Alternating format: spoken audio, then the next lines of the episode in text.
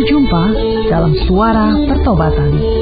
Firman Tuhan hari ini disampaikan oleh Bapak Pendeta Remedi Perangin Angin MD. Selamat mendengarkan.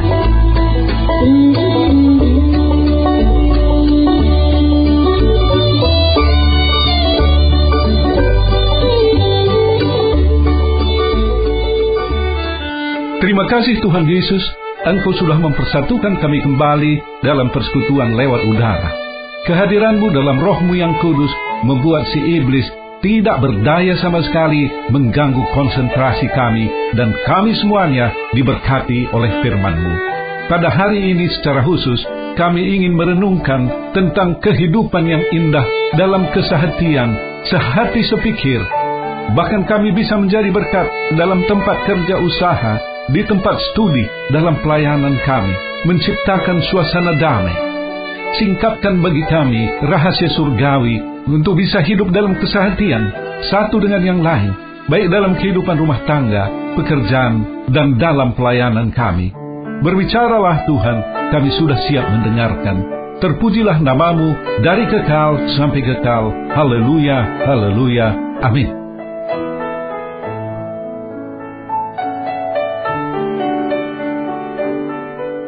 Shalom. Saya harap saudara ada dalam keadaan sehat, sukacita, damai sejahtera, di mana pun sedang berada saat ini, di rumah, dalam perjalanan, di tempat kerja, di rumah sakit, atau sedang melakukan kegiatan tertentu. Harapan saya, program ini bisa menemani di kala kesepian, memberi kekuatan di saat lemah, memberi semangat di kala lesu, memberi kesembuhan di kala sakit, memberi penerangan tatkala hidup ini terasa dalam keadaan gelap Tuhan Yesus memberkati kita semua melalui firman-Nya. Saudara-saudara yang dikasihi Yesus Kristus, renungan ini saya siapkan sesudah kembali dari Amerika Serikat. Sebenarnya kunjungan ke sana kami rencanakan pada akhir tahun, tetapi baru-baru ini cucu kami Karissa, putri paling tua dari keluarga anak menantu kami, menderita sakit. Dalam satu renungan suara pertobatan dulu, saya pernah menyampaikan, Karissa dianugerahkan oleh Tuhan sesudah orang tua, keluarga, sahabat, teman-teman persekutuan berdoa sekitar 8 tahun. Nah, Karista yang sekarang sudah duduk di kelas 1 SD kena penyakit usus buntu. Karena tidak diketahui, usus buntu ini pecah, menimbulkan komplikasi, mesti dirawat beberapa hari di rumah sakit. Itulah sebabnya kami berangkat akhir bulan April 2013 dari semula kami rencanakan pada akhir tahun 2013 ini. Puji Tuhan, lima hari kemudian Karisa sudah boleh pulang ke rumah dan beberapa hari kemudian Karisa sudah bisa bersekolah seperti biasa. Greensboro, kota di mana menantu kami sekeluarga tinggal, hanya satu setengah jam perjalanan lamanya dari kota Charlotte, di mana terdapat perpustakaan Billy Graham. Pas pada waktu kami di sana, ada keluarga adik kami yang kebetulan berkunjung dari Indonesia, kami bawa berjalan-jalan ke perpustakaan itu.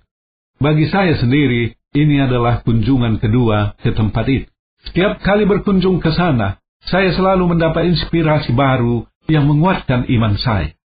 Sekali ini, di ruangan penyambutan tamu, terpampang gambar George Beverly Share. Ternyata ia baru meninggal beberapa minggu sebelumnya dalam usia 104 tahun dan dimakamkan di kompleks perpustakaan itu. George Beverly Shea, yang biasa dipanggil Bev, B.E.V., Bev, melayani, mengabarkan Injil bersama Billy Graham sejak tahun 1947. Bev adalah salah seorang penyanyi rohani yang memberkati saya secara pribadi ia punya suara bariton yang bisa menggetarkan jiwa kita. Bev selalu hadir dalam acara KKR Billy Graham di seluruh dunia. Billy Graham sudah berbicara di hadapan 220 juta jemaat. Maka Bev sudah melayani lewat pujian sebagai penyanyi solo di hadapan 220 juta jemaat. Ia mendapat berbagai hadiah dan penghargaan selama hidup Menurut teman-temannya yang sangat menonjol dari karakter Bev, ia seorang yang sangat rendah hati. pada waktu ia bertemu dengan Billy Graham tahun 1940-an. Sebenarnya, Bev lebih populer, lebih dikenal dari penginjil Billy Graham.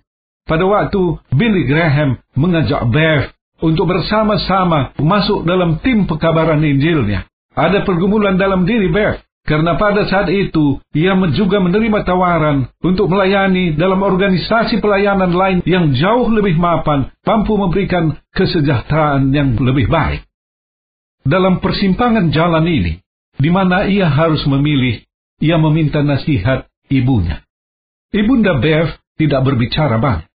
Keesokan paginya, Ibunda Bev meletakkan sebuah tulisan puisi di atas piano Bev. Puisi itu ditulis oleh seorang penyair Kristen. Ketika melihatnya, puisi itu berbicara ke dalam hati Bev. Ia menjadikannya lirik dari sebuah lagu yang digubahnya. Berjudul I'd rather have Jesus. Aku lebih baik punya Yesus.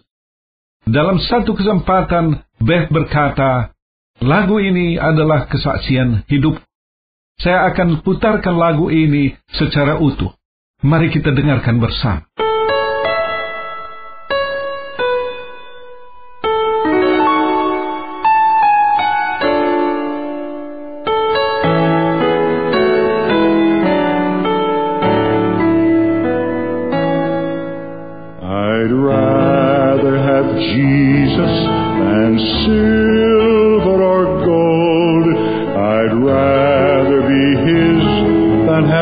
riches untold.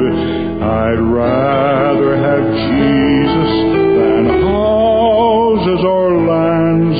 I'd rather be led by his nail pierced hand than to be the king of a vast domain or be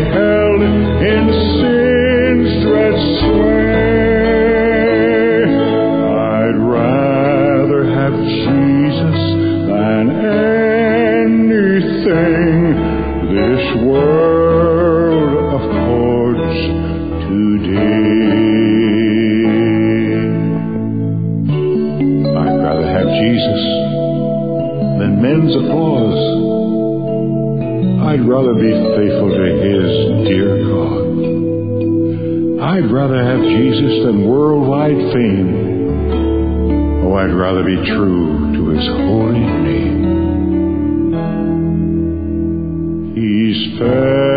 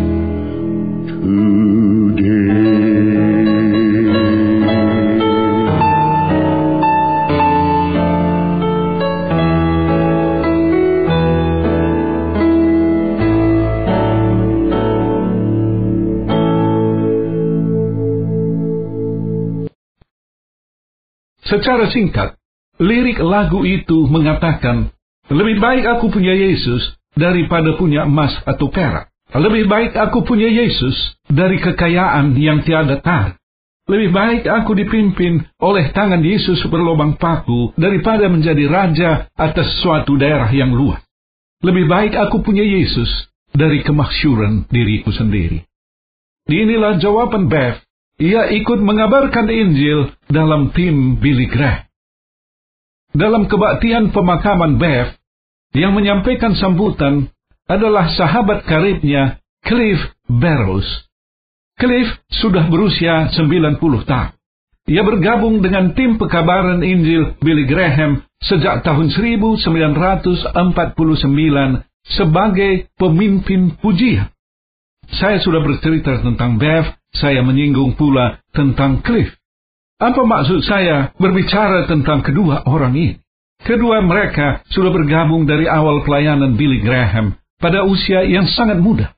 Pada waktu mereka sudah tua, pada waktu usia mereka sudah di atas 90 tahun ternyata mereka masih tetap bersama-sama dalam satu pelayan. Hal inilah yang menarik perhatian saya. Cliff Barrows menyatakan dalam satu kesempatan, mereka tidak pernah punya perbedaan pandangan atau pertengkaran yang hebat dengan Billy Graham. Bukankah ini hal yang luar biasa? Lebih 50 tahun mereka melayani bersama-sama. Sampai akhir hayat mereka, mereka tetap sehati dan sepik. Ini adalah hal yang langka. Dalam dunia usaha misalnya, tidak pernah ada kerjasama yang bersifat langgeng. Pada satu saat terjadi perbedaan pandangan, perbedaan pikiran tentang suatu hal, maka terjadilah pecah kongsi. Hal yang biasa. Kata orang bijak dunia ini, tidak ada persahabatan yang abadi, yang ada adalah kepentingan yang abadi. Tetapi Billy, Bev, dan Cliff membuktikan bahwa ada sehati sepikir yang sejati dalam pelayanan mereka. Dalam pengamatan dan pengalaman saya, dalam pelayanan juga sama.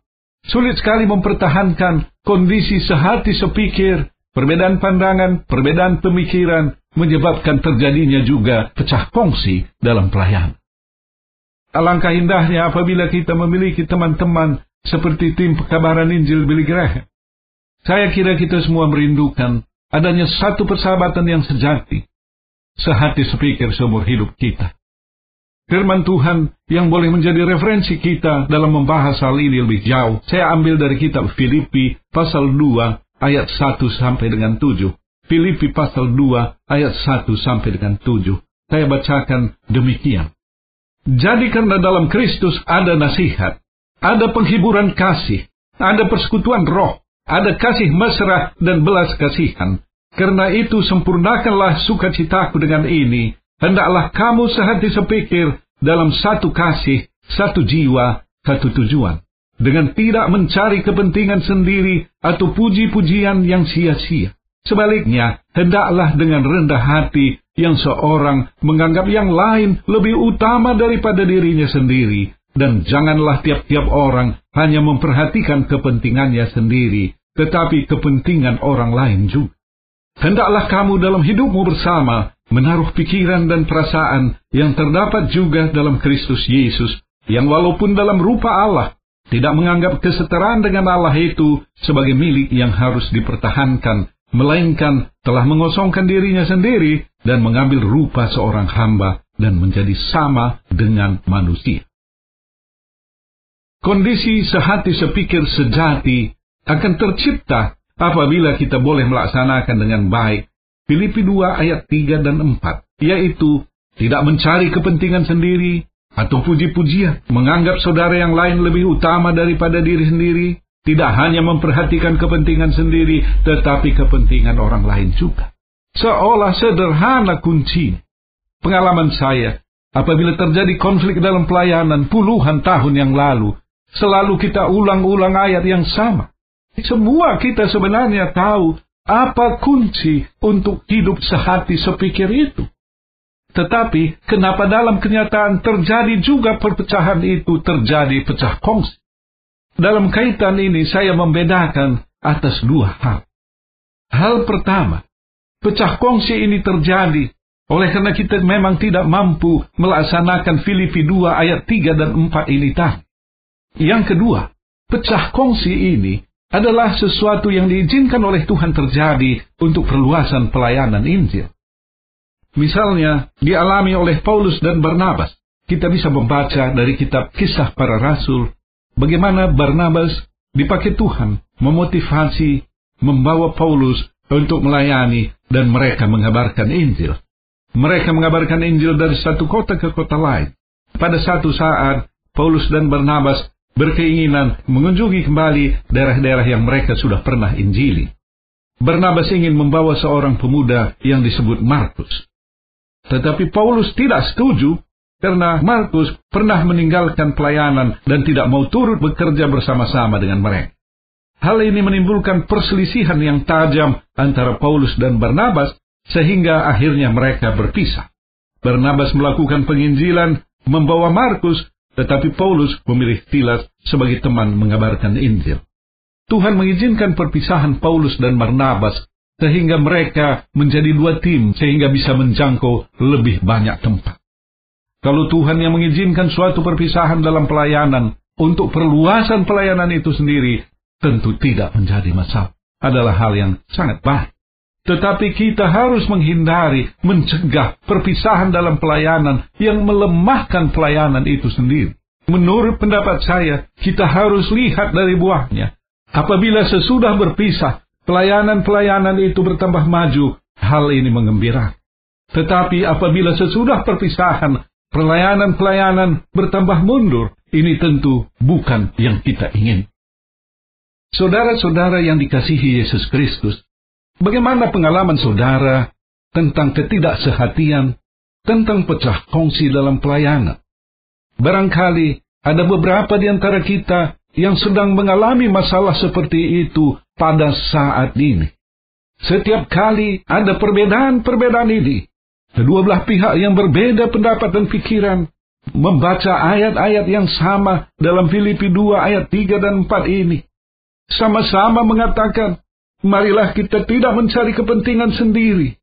Dengan rendah hati menganggap saudara yang lain lebih utama daripada diri kita sendiri. Dan janganlah kita hanya memikirkan kepentingan diri sendiri, tetapi kepentingan saudara yang lain juga. Kita baca, kita ulangi, kita renungkan ayat-ayat itu. Tetapi terjadi juga pecah kongsi dalam pelayanan. Lantas apa masalah Rasul Paulus menunjukkan rahasianya dalam ayat 5, 6, dan 7. Yang secara singkat, jadilah kita seperti Kristus. Baik, kita baca firman Tuhan ini. Kita dengarkan nasihat-nasihat Paulus ini. Tetapi perbedaan-perbedaan tidak kunjung bisa diselesaikan juga. Lantas apa masalah?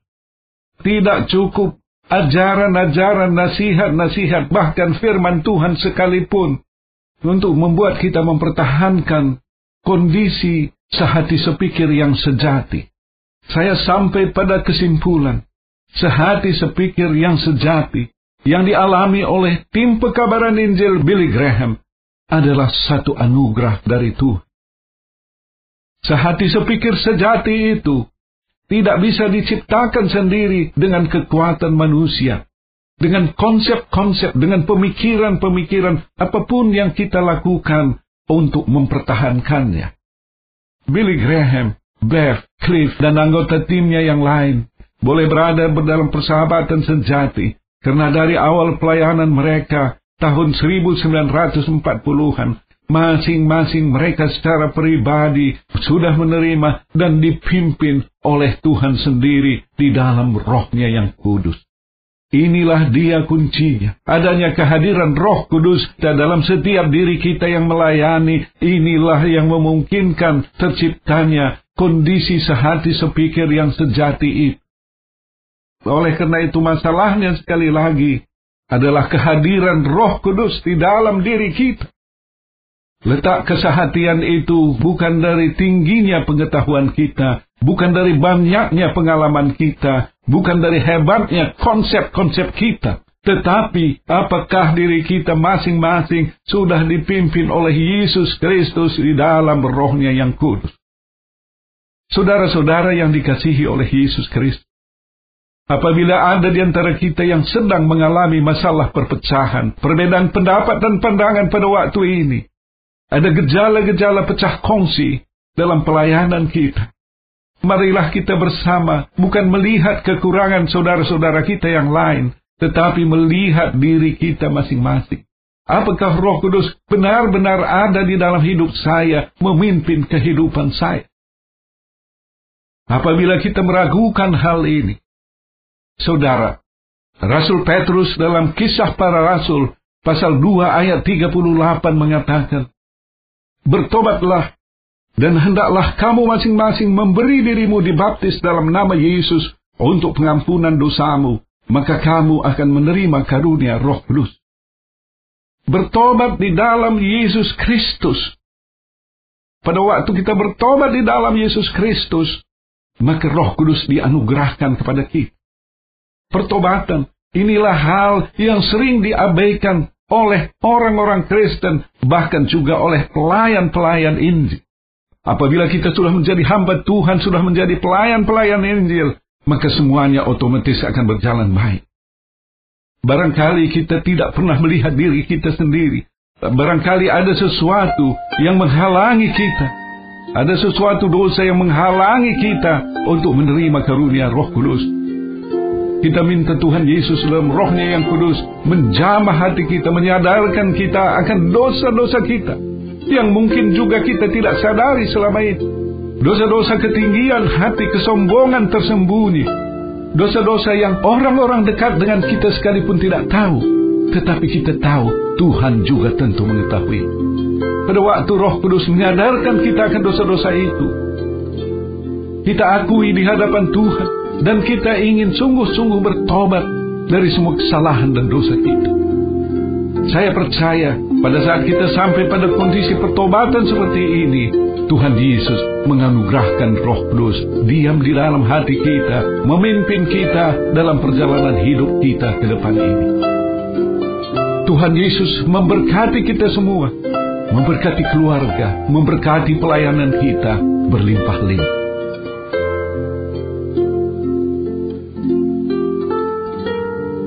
Bagi saudara yang dijamah oleh firman Tuhan, oleh roh kudus, sehingga pada waktu ini menyadari dosa-dosa saudara, jalan tersesat selama ini, ikuti saya mengucapkan sebuah doa sederhana. Tuhan Yesus, hamba menyadari dosa-dosa hamba, rohmu yang kudus menyadarkan aku akan kesalahan-kesalahan. Ampuni aku Tuhan, ubah hidupku, pimpin aku dalam perjalanan hidup ke depan ini. Haleluya, haleluya, amin. Bagi saudara yang sedang sakit, saya mengundang saudara meletakkan tangan di bagian tubuh yang sakit atau pusatkan hati dan pikiran saudara pada penyakit itu, apa pun bentuk dan manifestasinya. Saya akan berdoa bagi saudara. Tuhan Yesus firman-Mu mengatakan, pada waktu Injil diberitakan, di sana ada kuasa dan mujizat termasuk kuasa penyembuhan. Sembuhkanlah saudara-saudara yang sedang sakit, yang sedang mendengarkan siaran ini. Haleluya, haleluya, amin. Bagi saudara yang punya akar pahit luka jiwa, oleh karena perbuatan seorang atau beberapa orang dalam hidup saudara, saudara tidak bisa memaafkannya. Saya rindu berdoa bagi saudara. Tuhan Yesus, tolong saudara-saudara kami yang memiliki akar pahit luka jiwa mereka tidak sanggup cabutkan akar pahit itu. Tetapi Yesus engkau mampu cabutkan akar pahit itu. Haleluya, haleluya, amin. Akhirnya, hamba berdoa bagi semua pendengar siaran ini, di mana pun mereka berada. Berkati kehidupan secara pribadi, secara keluarga dan pelayanan. Berkati usaha pekerjaan, studi dan pelayanan mereka Terpujilah namamu dari kekal sampai kekal. Haleluya, haleluya, amin.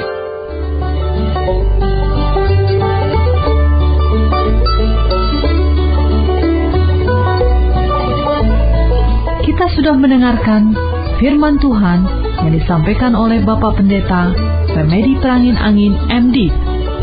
Pendengar dapat mengirimkan pokok-pokok doa kepada Suara Pertobatan, alamat email suara pertobatan at gmail.com suara pertobatan at gmail.com SMS atau telepon di pesawat 021 7005 8400 021 7005 8400 Sampai jumpa pekan depan pada hari dan jam yang sama.